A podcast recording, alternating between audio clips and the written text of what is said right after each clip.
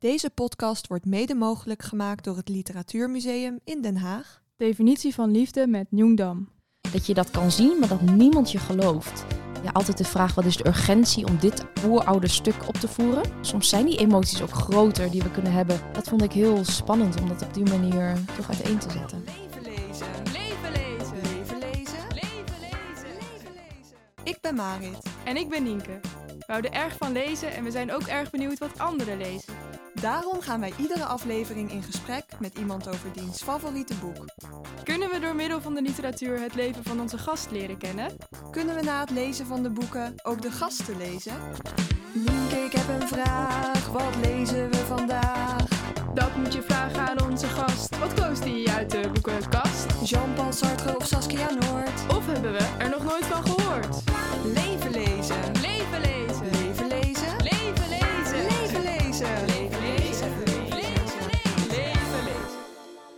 Een bijzonder moment, want dit is onze 25ste aflevering. Ja, een mooi jubileum en daarom ook een mooi moment om terug te kijken op wat we eigenlijk de afgelo- het afgelopen jaar of de afgelopen jaren hebben gedaan. Ja, eh, we hebben al heel veel mensen gesproken over hun favoriete boek. En in het begin aten we daar ook nog wel eens witlofsalade, appeltaart of pudding bij. Ja, dat viel niet bij alle gasten in de smaak. Nee, volgens mij heeft Joost Omens een pudding nooit aangeraakt. Ja, en er ging op de thee bij Jurgen Apperlo en we dronken bananenbier bij Even van Manen. Maar toen hebben we dat met die concept, met die consumpties toch maar een beetje laten varen. Ja, maar verder gingen we natuurlijk gewoon door met de podcast, waardoor we nu zelfs bij aflevering 25 zijn beland. Ja, dat vinden we best wel bijzonder en daarom gaan we in deze jubileumaflevering ook iets heel speciaals doen. Mhm. We gaan een auteur interviewen over haar eigen boek. Eh, we gingen in gesprek met Njung Dam over haar net verschenen definitie van liefde. En Jung Dam kun je kennen als actrice. Ze speelde onder andere in de NPO-serie Dertigers. En ze treedt ook op in de theaters, in bijvoorbeeld het stuk De Bananengeneratie. En daarnaast schrijft ze ook zelf theaterstukken. Mhm. En eh, ze schreef ook al eerder een boek, Duizend Vaders. En het is eigenlijk ook best spannend om een auteur te interviewen over diens eigen boek. Omdat hij toch altijd net iets beter weet wat er in het boek staat dan Ja. jijzelf. Maar eh, we doen natuurlijk toch even een poging. Ehm, definitie van liefde speelt zich af in New Orleans. En het gaat over actrice Rose. Rose is zwanger, maar tijdens haar zwangerschap wordt ze verlaten door haar geliefde. En Rose heet eigenlijk geen Rose, maar Wa. En ze is de dochter van Vietnamese bootvluchtelingen. Mhm. In haar werk als actrice krijgt Rose te maken met diepgeworteld racisme en machtsstructuren.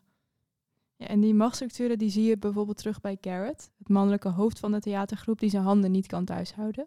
Ja, er komt in ieder geval een veelheid aan thema's aan bod. Eh, moederschap, ontworsteling aan je ouders, vriendschap, maar ook boeddhisme en levenskracht. En wij gaan met Jong over al die onderwerpen praten. Veel luisterplezier bij onze 25ste aflevering. Leven lezen. Leven lezen! Leven lezen. Leven lezen! Leven lezen. Ja, hallo Jong. Marit en ik beginnen onze podcast altijd met een doorgeefvraag. En die komt van de vorige gast, Oek de Jong. En met Oek de Jong hebben we het gehad over klassiekers. eh, Russische klassiekers. Hij vindt het bel- belangrijk dat die, blij- dat die blijven gelezen worden. Mhm. En hij vroeg zich af welke klassieke rol jij wel op het toneel zou willen spelen. Oh, leuke vraag. Nou, heel toevallig hou ik ook echt van de klassieke rollen om te spelen. Dus eh, los van het schrijven met wat ik speel. Ik heb altijd een enorme hang naar ehm, eh, de eh, Griekse tragedies, altijd. Ook al op de toneelschool. Ik, daar zit toch iets, ja, iets oer, iets mythisch zit daarin. Dus ik ben altijd gefascineerd door de Griekse mythologie. En ehm, ik moet nu denken aan de rol Phèdre van Jean Racine. Die, eh, daar heb ik een, au- een monoloog van gespeeld bij mijn auditie voor de toneelschool. En ik denk als ik die toch ooit echt eh, zou mogen spelen, dat dat wel echt fantastisch zou zijn. Dat Wat- is, Ja, wat spreek je daar dan zo aan aan? nou, het is zo'n heftige rol vol begeerte en woede en emotie. En ja, daar waar je toch eh, in het echte leven, doe maar normaal, dan doe je al gek genoeg. Dan is deze rol echt het tegenovergestelde van. Dat eh verdere, ehm, nou zo, dat is een vrouw van Theseus. En dan is ze zo verliefd op haar stiefzoon, eh, Hy- Hippolytus, of soms zeggen Hippolytus. En ehm, daar krijgt ze, dan heeft ze een affaire mee. nou, heel onstuimig. En, ehm, en dat de, de verwikkeling in dat verhaal, dat schiet zo alle kanten op, waarin ik denk dat dat zo interessant is om als actrice die rol ja, te kunnen spelen op het toneel. En worden er nog vaak Griekse mytholo- mythen opgevoerd? Of? Nou, ik denk misschien, zoals in de literatuur, wat ook ook zei in eh, de vorige aflevering, dat ehm, je mo- moet toch echt wel elke keer, elke nieuwe generatie moet toch wel de klassiekers weer tot leven brengen. Je hebt toch ambassadeurs nodig van de klassiekers. En zo eh, werkt het ook in het toneel, dat je een regisseur of een gezelschap nodig hebt die denkt van, oh, we moeten dit weer de planken opbrengen om het aan het publiek te tonen. En ehm, eh, nou, ik denk ehm, Ita, hier in Amsterdam, eh, die, eh, die doen het nog vaak. En er zijn altijd nog gezelschappen die bijvoorbeeld bewe- bewerkingen doen. Omdat met het toneel is het toch dat je ehm, ja, altijd de vraag, wat is de urgentie om dit oeroude stuk op te voeren? Want een boek blijft een boek. Maar een toneelstuk heb je toch de vrijheid om het te bewerken door toch elementen die nu spelen in onze maatschappij erin te verwerken. En dat je dan ziet hoe actueel het soms eigenlijk nog is. En dan kan het echt gaan zinderen dat een stuk wat honderden jaren of duizenden jaren oud is, opeens zo relevant blijkt te zijn. Ja, en in jouw recent verschenen boek Definitie van Liefde komen ook heel veel Griekse mythen voor. Zo begint het met een motto van Stephen Fry. En in het begin komt meteen Cassandra eh, voor. Dat is een waarzegster eh, die door niemand wordt geloofd. Mhm. En is dat voor jou dan ook een manier om heel actief die mythe weer levend te maken?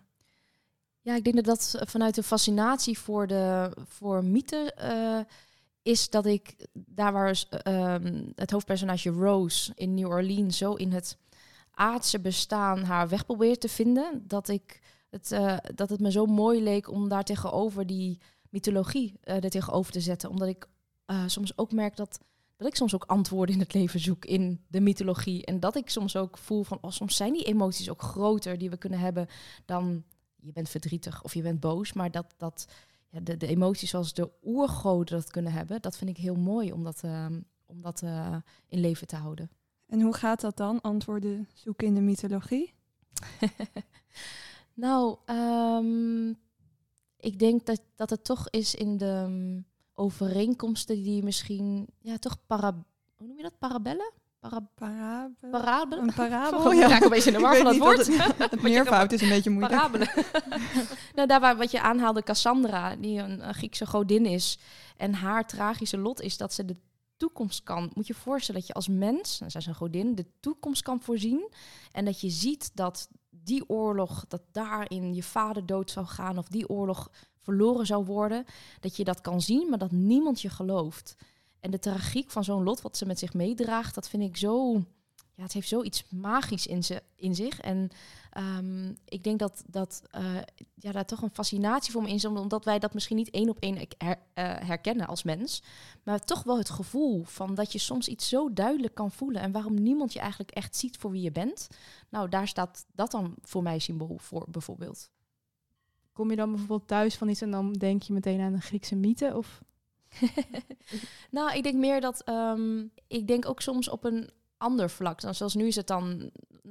Nou, het is lente nu net geworden. De zon breekt voor het eerst een beetje door in onze omgeving. En ehm, dat dan Stephen Fry bijvoorbeeld in Mythos in zijn boek dan omschrijft toen de aarde gecreëerd werd, dat die narcissen zo uit de aardkorst zo omhoog, omhoog popte en een weg zich naar de hemel toe. Nou, dat klinkt dan heel het klinkt dan heel overdreven, maar het kan wel zo zijn. Als, je, als ik toch in de lente na een koude, barre winter eh, door de stad fiets en ik zie die narcissen voor het eerst komen, kan ik wel zo'n soort gevoel hebben. En dan lijkt het misschien een beetje too much. in de maatschappij doen we normaal de duo gek genoeg. Maar soms door die overdrijving, en dat is het mooie aan de magie van literatuur, kan het ook heel dicht bij de eh, realiteit eh, komen. En het hoofdpersonage Rose krijgt in definitie van liefde ook de vraag welke klassieke rol ze zou willen spelen. En dan kiest ze voor Hamlet, Hamlet of Medea. Mhm. En, maar ze kan die rollen niet spelen volgens haarzelf, omdat die gespeeld moeten worden door mannelijke of witte mensen. En jij bent natuurlijk zelf ook Vietnamees. Hoe kijk je daar dan zelf tegenaan? Uh, nou, Vietnamese roots. Ik ben wel in Nederland uh, geboren.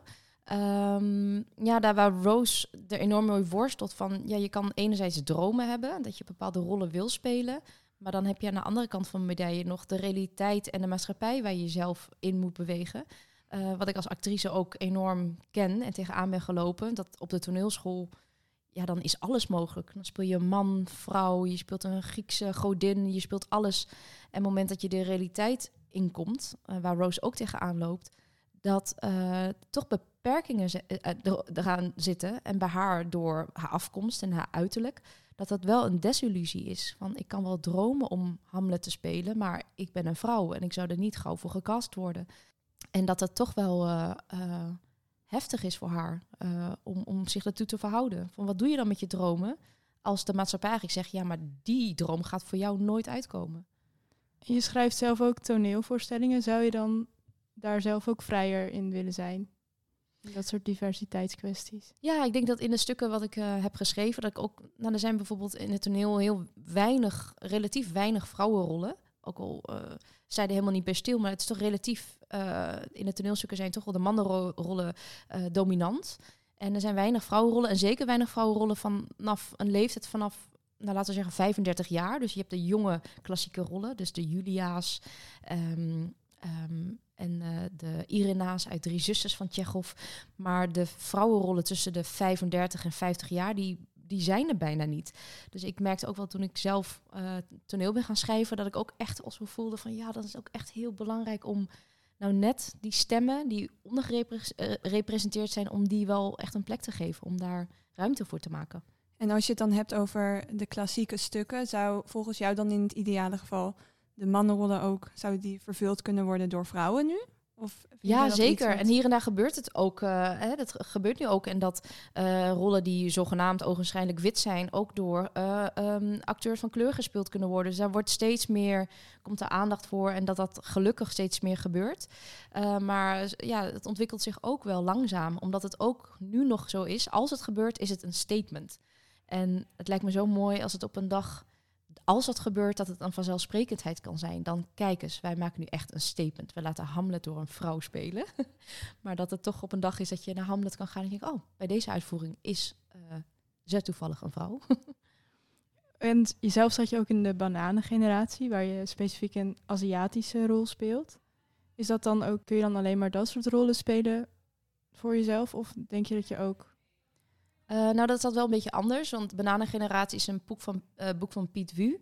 Die schrijft over de Chinese Nederlander uh, en met alles waar de Chinese Nederlander tegenaan loopt. Van racisme tot stereotypering, maar ook de moeilijke achtergrond. En het toneelstuk daarvan hebben we met vijf Oost-Aziatische Nederlanders hebben we een stuk gemaakt waarin we onze kant van het verhaal vertellen en daarmee ook uh, hopelijk een grotere stem vanuit de gemeenschap probeert te representeren. De verhalen die nog weinig tot niet verteld zijn. Hè, dat, dat je nu merkt dat um, de onderrepresentatie of racisme tegen bepaalde groeperingen, dat in de media heb je bepaalde, heb je daarvan gehoord. Maar van de Oost-Aziatische Nederland heb je daar nog heel weinig, relatief weinig mm. van gehoord. Hoe die tegen, ook tegen racisme aan zijn gelopen. Uh, en daar, is, daar was deze voorzitter, daarom zie ik het niet als dat ik een Aziatische rol speel. Want daar speel, yeah. ben ik mezelf en er yeah. zijn de anderen zichzelf. Maar uh, vertellen we voor deels uh, het verhaal van het boek van Piet Wu, maar ook voor ja, ons verhaal van onze ouders, maar ook de viering van onze oorsprong en afkomst. Um. Ja, en eigenlijk dat is een beetje het tegenovergestelde van Rose, hoe ik het zie. Want die viert eigenlijk helemaal niet haar afkomst. Die wil best wel weg van haar roots. Die verandert haar naam uh, in Rose. Uh, waarom heb je dan voor zo'n personage gekozen? Ja, ik, ik denk dat, um, dat ik dat een heel relevant thema vind. Dus, um, dochter van migranten, wat Rose is, dochter van Vietnamese bootvluchtelingen. En zeker voor die tweede generatie, in, nou, het, speelt zich in New Orleans, in Amerika. En daar waar ze zo grond onder haar voeten probeert te krijgen om haar dromen te realiseren. En het ziet er ook uit alsof ze alles heeft. Hè. Ze heeft een acteercarrière. Ze heeft zich ergens uh, ontworsteld van haar ouders aan de andere kant van de Mississippi River. En uh, daar waar ouders nog altijd zich in het frituurvet werken om, om een bestaan op te bouwen, um, heeft zij gedacht als ik mijn achtergrond met waar mijn ouders vandaan komt van me afpoets en zo Amerikaans mogelijk probeer over te komen, zullen ze het niet aan me afzien en ga ik het maken. En zo heeft ze Hoa, betekent uh, letterlijk roos in het mm. Vietnamees en in het Amerikaans rose. uh, heeft ze ook zichzelf een andere naam gegeven, een Amerikaanse identiteit. Dat ze dacht, nou als ik Rose heet, dan eh, heb ik grond onder mijn voeten. Hoef ik niet meer te be- mijn bestaansrecht te bevechten. Ehm, en daarmee wil ik ook een, ja, een groter en universele thema neerzetten van hoe lastig dat eigenlijk is voor een tweede generatie migrantenkinderen. Dat bepaalde kaarten waar je mee geboren bent, dat die misschien helemaal niet vanzelfsprekend in je handen liggen. Dat je nog heel Mhm. veel grond onder je moet bevechten. En hoe doe je dat? En juist die zoektocht eh, vond, ik, ehm, eh, vond ik heel belangrijk om uiteen te zetten. En hoe is dat voor jou zelf geweest? Is er ook een ontworsteling van je ouders?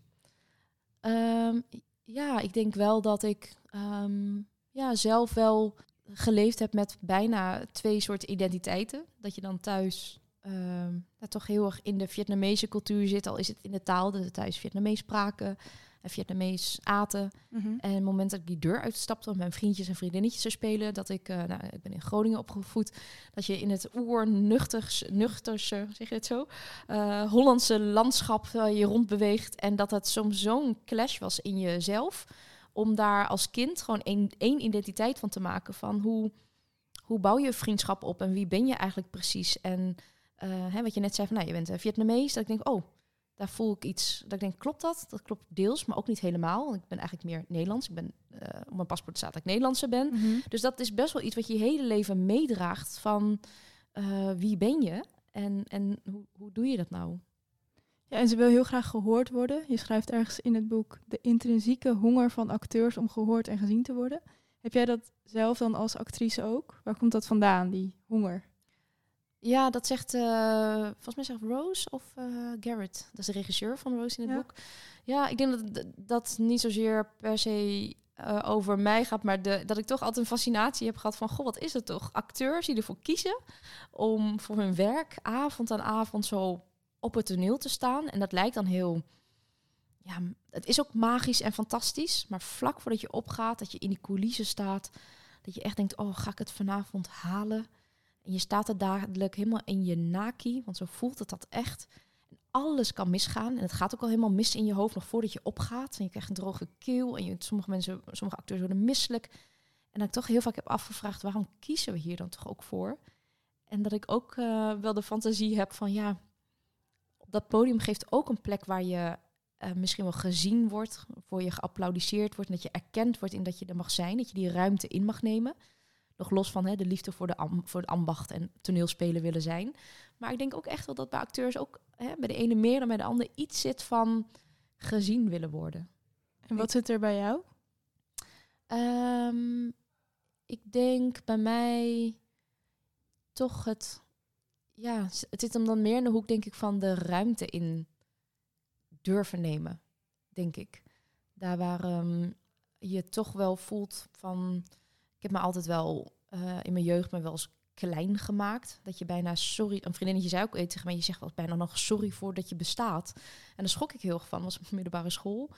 En ik dacht, oh, dat komt misschien echt van waar ik vandaan kom, van mijn ouders. Hè? En je bent hier te gast, dat idee. En dat je dan zo op het toneel, ja, dat het bestaansrecht er dan is. Dat je, dat je daar helemaal kan zijn. En eh, ik vond dat dan ook een mooi gegeven voor Rose om haar dan actrice te laten zijn. Omdat dat zo mooi symbolisch aansluit op het thema. En voelt het ook meer als ruimte innemen om acteur te zijn dan als om schrijver te zijn? Oh, nee, nee, dat voelt helemaal niet zo. Ik denk dat dat wel hetzelfde... eh, het is gewoon een ander medium. Mhm. Daar waar je op het toneel ehm, met de mensen dat avond aan avond doet, waar die magie ontstaat, is het met een boek heeft een hele andere magie. Het boek is nu dan, dan net uit, eh, anderhalve week. En het idee dat mensen dat dan op een strand dadelijk op vakantie gaan lezen, of in een vliegtuig, dat het misschien de oceaan overvliegt. En dat wat ooit in mijn hoofd zat, in mijn uppie, in mijn appartementje in Amsterdam, dat dat dadelijk in andere mensen hun hoofd zitten. Dat is, ja, dat is een hele andere soort magie. Mhm. Ja, het is natuurlijk allebei een podium eigenlijk dat je beklimt.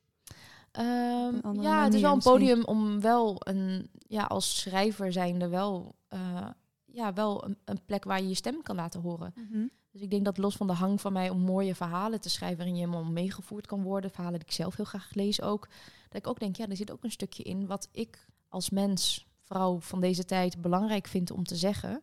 En hoe kan ik dat mooi in een verhaal verwerken, of kritisch of lelijk in een verhaal verwerken. Maar dat het ook een klein stukje verantwoordelijkheid is. Als je dat podium hebt, kan je hem niet zomaar, eh, kan je hem niet, zomaar niet serieus nemen. Hm. Ja, en er komen ook heel veel maatschappelijke thema's in het boek voor. Bijvoorbeeld ook die intrinsieke honger van acteurs dan om gezien en gehoord te worden, die kan ook misbruikt worden. In het Mhm. boek heb je dan Garrett. Dat is echt een soort mannelijk hoofd van de toneelwereld daar. En die heeft dan ook een soort MeToo-schandaal. Is dat dan ook iets wat je dan in de maatschappij om je heen ziet, die eh, machtsstructuren, wat je dan wil laten zien in je boek? Ja, ja, ik wil zeker. eh, Garrett is dan het hoofd van het, theatergezelschap waar Rose werkt. En het lijkt helemaal niet dat hij eh, in de klassieke vorm zoals Me Too met een ehm, eh, seksueel verhaal, dat blijkt dan later, maar dat, dat je eigenlijk veel meer voelt dat het op een genuanceerde manier gebeurt. Dat het zo sluimerend gebeurt dat je voelt van, hè, tot heel lang in het boek voel je ook niet dat hij iets doet waarvan je denkt, nou daar kun je hem echt op aanspreken of op pakken. En toch voel je dat het niet helemaal klopt, dat personage, Ja. toch? Het is ook, hij heeft een reptiele huid en je voelt ook helemaal hoe hij als een soort salamander door die... Ja, ja, dat is bij zo- auditie dat hij dan even bij de, de flanken van Rose haar vasthoudt en zegt je, je, je bent veel te gespannen als actrice, ontspan nou toch eens. En dat je toch voelt, er gebeurt helemaal niks en toch voel je, en dat is een grijs gebied wat ik ook heel interessant vind, want het moment dat iemand die grens overgaat, dan is het vaak nou, nog moeilijk genoeg, maar vaak wat duidelijker van, daar gaat iemand een grens over.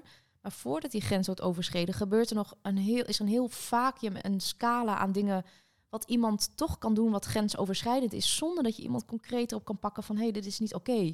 En ik ga, hier, eh, ik ga hiermee naar iemand toe, bijvoorbeeld. En ik vond dat heel spannend om juist Rose, die vanuit een kwetsbare achtergrond komt, bij zo'n gezelschap eh, terechtkomt, en dan met ja, toch een bepaalde manier met een idioot van een Garrett, ja, eh, als ik het zo zelf, zelf mag zeggen, of mijn eigen personage, eh, daarin terechtkomt. En dat je ook niet helemaal je vinger erop kan leggen. Eh, dat vond ik heel spannend om dat op die manier toch uiteen te zetten. Ja, en er is momenteel natuurlijk heel veel te doen om dat soort machtsstructuren. Komt heel veel steeds meer in de media daarover. Is dat iets wat je ook om je heen ziet in de toneel- of de literaire wereld? Ehm, nou, in de toneelwereld is er, eh, nou, dat is, dat is ook uitgekomen in de media, zijn er wel heel wat verhalen bekend geworden. Ook ehm, bij mij op de toneelschool waar we Mhm. zaten, is er een docent eh, eh, toch wel berispt geweest. En ehm, ja, ik denk dat dat zo doordrongen is in bepaalde structuren van bepaalde gezelschappen, dat het best wel lang duurt voordat dat echt helemaal rechtgetrokken is. Of ehm, ehm, ja. Maar ja, dan is jouw boek wel een manier om dat ook aan de kaak te stellen, zeg maar. Ja, en in, die zin denk ik, ja, ik, ik vond het, ik vond het deze roman waarin Rose vanuit die achtergrond er niet is, wilde ik meerdere thema's, hè, zoals inderdaad die machtsverhoudingen, maar ook het racisme, maar ook ehm, de ontworsteling van je ouders, eh, met waar je vandaan komt en identiteit zoeken.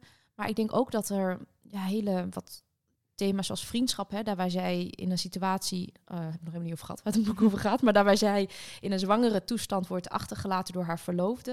Nou, dat werpt er dan zo op zichzelf, op haar jeugd, van waar kom ik nou vandaan en hoe ga ik nou om met een hele heftige situatie, eh, gaat het voor mij ook heel erg over vriendschap. Want je merkt dat ze in elk hoofdstuk maar probeert een ingang te vinden met de mensen die ze praat, om steun te zoeken, om eh, hulp te ruimte in te nemen. En dat al die mensen om haar heen zo vol zijn van hun eigen leven. Ze komt er gewoon helemaal niet doorheen om eh, hulp echt te kunnen vragen. En ehm, ik denk wel dat dat ehm, wel voor mij ook wel een belangrijk thema is. Van hoe maken we een beetje ruimte voor elkaar als iemand gewoon echt in nood zit. Dan dat je zo vol bent van je eigen leven. En dat we er maar op loslullen. En eh, nou, dan merk je dat ze alleen al in een interview met een journalist... dat ze dan ehm, terechtkomt in zo'n idiote situatie... dat die man alleen maar over zijn eigen leven aan het praten is... en zit te smakken op een hotdogbroodje, wat bijna lachwekkend is... Dat je wel denkt van, ach, arme meid, zeg nou gewoon, zeg er wat van, denk je de hele tijd. Ja, want ze houdt best wel de hele tijd een beetje de schijn op. Op een gegeven moment gaat ze naar Europa en dan krijgt ze niet zo goede recensies over haar toneelrol. En hoe reageer je zelf als je zulke negatieve recensies onder ogen krijgt? Ja, dat is, dat is nooit makkelijk. Ik denk dat, nou, ik heb denk ik steeds beter mee leren omgaan. Ehm, dat, kijk, het ding is dat daar waar je, of het nou toneel is of een boek. Nou, dit boek heb ik dan drieënhalf jaar aan gewerkt, bijna vier jaar. Daar zit, daar zit zo je hart en ziel zitten in. Daar hebben veel mensen in meegelezen, meegekeken. En het is zoiets wat nou uit je ziel getrokken is, zonder overdrijving. En dan is het best heftig dat iemand in een paar honderd woorden, uh, het linksom of rechtsom, daar wat over zegt. En soms ook vrij kort de bocht daarmee kan zijn. En dat, dat kan wel echt gewoon heel erg pijn doen. En uh, ik vond het heel mooi dat, uh, ik weet niet of je Brené Brown kent, um, auteur, die um, onder andere Kracht van Kwetsbaarheid heeft geschreven. Nee. Wat, um, en zij heeft ook in een van haar talks heeft ook gezegd van, als jij zelf in dat arena staat, hè, bijvoorbeeld arena van beoordeeld te worden, zei ze van, ik ben onderweg ergens gestopt met dat iedereen maar al die vuurpijlen op me af kan gooien en dat ik het ook allemaal maar toelaat. Alleen als iemand met mij in die arena is geweest, die ook acteur is geweest of ook weet wat een schrijfproces inhoudt, ook weet wat het is om nachten achter elkaar nou met al die zelftwijfel aan het boek te werken. Alleen van die mensen laat ik het toe dat die er iets over kunnen zeggen, maar niet random van iedereen. En dat vond ik wel een hele mooie gedachte. Zoek jij je recensies actief op of hou je dat ook een beetje af? Um, nou, er zijn ook auteurs en acteurs die zeggen, nou, ik lees nooit een recensie. Ja, dat, dat vind ik wel knap, want dan ben ik toch wat uh, nieuwsgierig voor. Uh, ik, denk niet, ik denk dat ik er precies tussenin zit. Dat ik het niet heel actief... Ik ben niet iemand die mezelf googelt of zo. dat zijn er ook wel, wel veel mm -hmm. van. Um, maar ik, als het er is, dan lees ik het zeker wel. Maar ik bescherm mezelf ook dat ik ook uh, het echt probeer, als het even wat minder is... ook echt van me af probeer uh, te laten glijden. En dat ik ook heel vaak denk, oh, wat grappig dat een recensie van één iemand in de krant zoveel meer impact hebt uh, op jou dan bijvoorbeeld, laten we zeggen, iemand die heel belangrijk voor je is, een hele goede vriendin, ik zeg maar wat. Mm. Waarom zou je die hele goede vriendin, waarom zou haar belevingswereld, met wat zij heeft meegemaakt met een boek, minder belangrijk zijn dan um, een recensie bijvoorbeeld? Ja, dat dan een beetje zo uh, scheiden ook, wat belangrijker is. Nou, ik denk dat je wel moet als je door wil gaan uh, in het vak. Want ik denk dat uh, elke grote auteur ook slechte recensies heeft gehad. En elke grote acteur ook slechte recensies heeft gehad. En ik denk dat dat, nou wat ook in het boek, wat Garrett dan ook zegt, hè. Degenen die het halen zijn niet per se degenen die aan de top staan, maar degenen die het vol blijven houden. En dat merk ik wel van, oh ja, de euforie van toen ik net klaar was van de toneelschool, dacht ik, oh, de ene mooie rol naar de ander en Mm. mijn debuut. Uh, maar nu voel ik veel meer, oh ja, ik ben nu even iets verder. Het gaat nu echt over bij sommige momenten diep ademhalen, doorgaan en vertrouwen op wat jij vindt wat je nog te zeggen hebt en wat, wat de wereld ingeslingerd moet worden. En wat voor rollen kijk je dan nu naar uit op dit moment? Uh, nou, wat we net noemden al, hè, dat de Griekse uh, tragedies me heel erg aanspreken.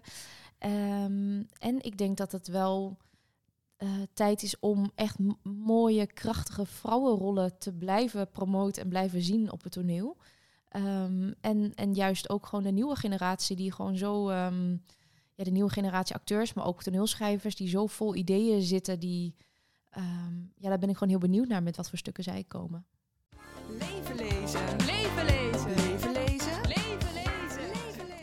Ja, en je zei net al kort even dat het verhaal zich ook in Amerika afspeelt. Waarom Amerika eigenlijk? nou, ik heb altijd al een grote fascinatie gehad van Amerika. Een soort van wat ik ergens wel weet dat niet waar is, want het is ook een heel heftig land. Maar toch de American Dream, daar waar je iets manifesteert, kan het misschien wel uitkomen. Hè? Met de, de motivational speakers zoals uh, Tony Robbins, kennen jullie hem? De man die... Uh, nee, ik word steeds meer... heb ik ooit een... Ik word steeds kleiner. Je nee, nee, nee, nee, dat hoeft helemaal, nee, dat hoeft helemaal niet. Dat, hoef je, dat is echt zo'n... Dat, is, nou, dat is in ieder geval een man die met een geraspte stem echt heel hard loopt te roepen. En dan kan je heel veel geld voor betalen. En dan ga je vijf dagen bij hem in zo'n seminar. En dan kan je jezelf miljonair denken. Bij wijze van spreken of succesvol. Dus dat je helemaal niet... Um, dat is het land van extreme in die zin. Waar alle dromen, ook kom je uit de ghetto, je kan het misschien wel maken tot een totale popster bijvoorbeeld. Hè? Die extremen zijn zo groot dat het me zo fascineert. En dat ik ook wist dat in New Orleans een grote Vietnamese gemeenschap woont. Mm -hmm. Ook Vietnamese bootvluchtelingen. En dat ik die combinatie van die Vietnamese migranten die daar leefden in dat New Orleans, wat ik enorm door gefascineerd ben. Wat bruist van de jazzmuzikanten, maar het is ook enorm tropisch met alligators die er rondlopen, maar ook een land van voodoo. En dat heeft zoiets mystieks in zich. Ik dacht, dit is zo'n mooie setting en achtergrond om dit verhaal verder uit te diepen. Ja, en het is ook een boek dat gaat over een zwangerschap en abortus. Is dan ook de setting van Amerika, waarin dat natuurlijk nu heel erg een ja, hot topic zou ik Ja. willen zeggen, is om het dan daar te situeren ook. Ja, zeker. Want ik was daar ook in New Orleans eh, voor het schrijven van dit boek. Om eh, onderzoek te doen en veel mensen te spreken. En ik merkte wel toen, toen speelde die regelgeving Mhm. van, van deze abortuswetgeving speelde enorm. En dat, ja, ik werd er echt door geconfronteerd. Ik denk dat wij hier in Nederland als Nederlander niet eens eh, besef hebben van hoe, hoe heftig, hoe verrijkend dat is en wat Mhm. dat betekent voor die vrouwen daar. En eh, ik was al bezig met dit boek, met dit onderwerp. En ik werd daar zo in meegesleurd, geconfronteerd. Maar ook in de gesprekken die ik had met vrouwen. En eh, soms zwangere vrouwen. En dat je dan zag dat die klinieken gewoon voor je neus sloten. En dat websites uit de lucht werden gehaald. En dat zeker voor ja, daar waar armoede ook enorm aan de hand is in bepaalde delen van Amerika. Dat we niet eens voor kunnen stellen als je in een situatie zit dat je ongewenst zwanger bent geen geld hebt om de bus te nemen naar een andere staat waar het misschien nog wel legaal zou zijn. En dat dat door de staat wordt bepaald. En hoe heftig en rauw dat is dat die vrouwen aan hun lot werden overgelaten. Dat vond ik wel, eh, ik vond het wel heel heftig dat ik daar echt middenin zat tijdens het schrijven van dit boek. Dus in die zin een, voor mij een heel relevant en heel belangrijk thema ook. Net als eigenlijk al die andere grote maatschappelijke kwesties die je eh, aandoet in je boek. Ja, en ik denk dat dat zo, hè, zonder pamfletistisch, is dat een woord? Ik twijfel opeens over alle woorden die ik vandaag... Het is wel een mooi woord, dus anders introduceren we ja, precies. Nou, dat daar, het, zit veel meer verwoven in die dialogen en in die verhalen dan dat iemand heel eh, hoog een eh, uithangbord houdt van dit zijn de thema's die, waar Rose voor staat. Maar ik denk dat zij zich moet verhouden tot al die onderwerpen. En ze zit dan zo in een kunstzinnige stad, beweegt ze zich. En, ehm, en dat vind ik eh, zo mooi dat die onderwerpen daarin in die toneelwereld eh, zo aan de oppervlakte komen. Dat, je daar, dat, je daar, dat ze daar echt mee geconfronteerd wordt. De doorgeefvraag. De doorgeefvraag. In de volgende aflevering gaan wij in gesprek met documentairemaker en schrijver Gwen van der Zwan. Eh, zij heeft onder andere het boek Zuigertje geschreven. En wij vroegen ons af of jij een vraag voor haar hebt. Ja, ik eh, vroeg me af, ehm, daar waar zij eh, als duizendpoot zowel schrijft als documentaires maakt, dat ik me heel erg afvraag ehm, op welke manier of waar zij inspiratie haalt voor een volgend project. Het moment dat ik eh, een boek klaar heb, dan heb ik echt het gevoel dat ik alles heb gegeven, dat het even dat vat helemaal leeg is qua inspiratie. En dan zelf moet ik dan als een spons mezelf weer opzuigen met, met dingen. Dus dan ga ik naar musea of praat ik met mensen of dan ga ik wandelen of zo. Maar ik vraag me heel erg af hoe zij dat doet, waar zij inspiratie haalt voor haar, volgende eh, voor haar volgend werk. Oké, en met haar gaan we bespreken de klassieker Lolita van Nabokov. Eh, de controversiële roman over de liefde van een man voor een jong meisje. Bedankt voor het luisteren naar deze aflevering van Leven Lezen. Wil je meer afleveringen beluisteren? Volg ons dan in je favoriete podcast-app. Heb je een vraag? Of wil je ons gewoon iets laten weten? Stuur dan een mail naar levenlezen.gmail.com. Je kunt ons ook volgen op Instagram en Twitter. Tot de volgende keer!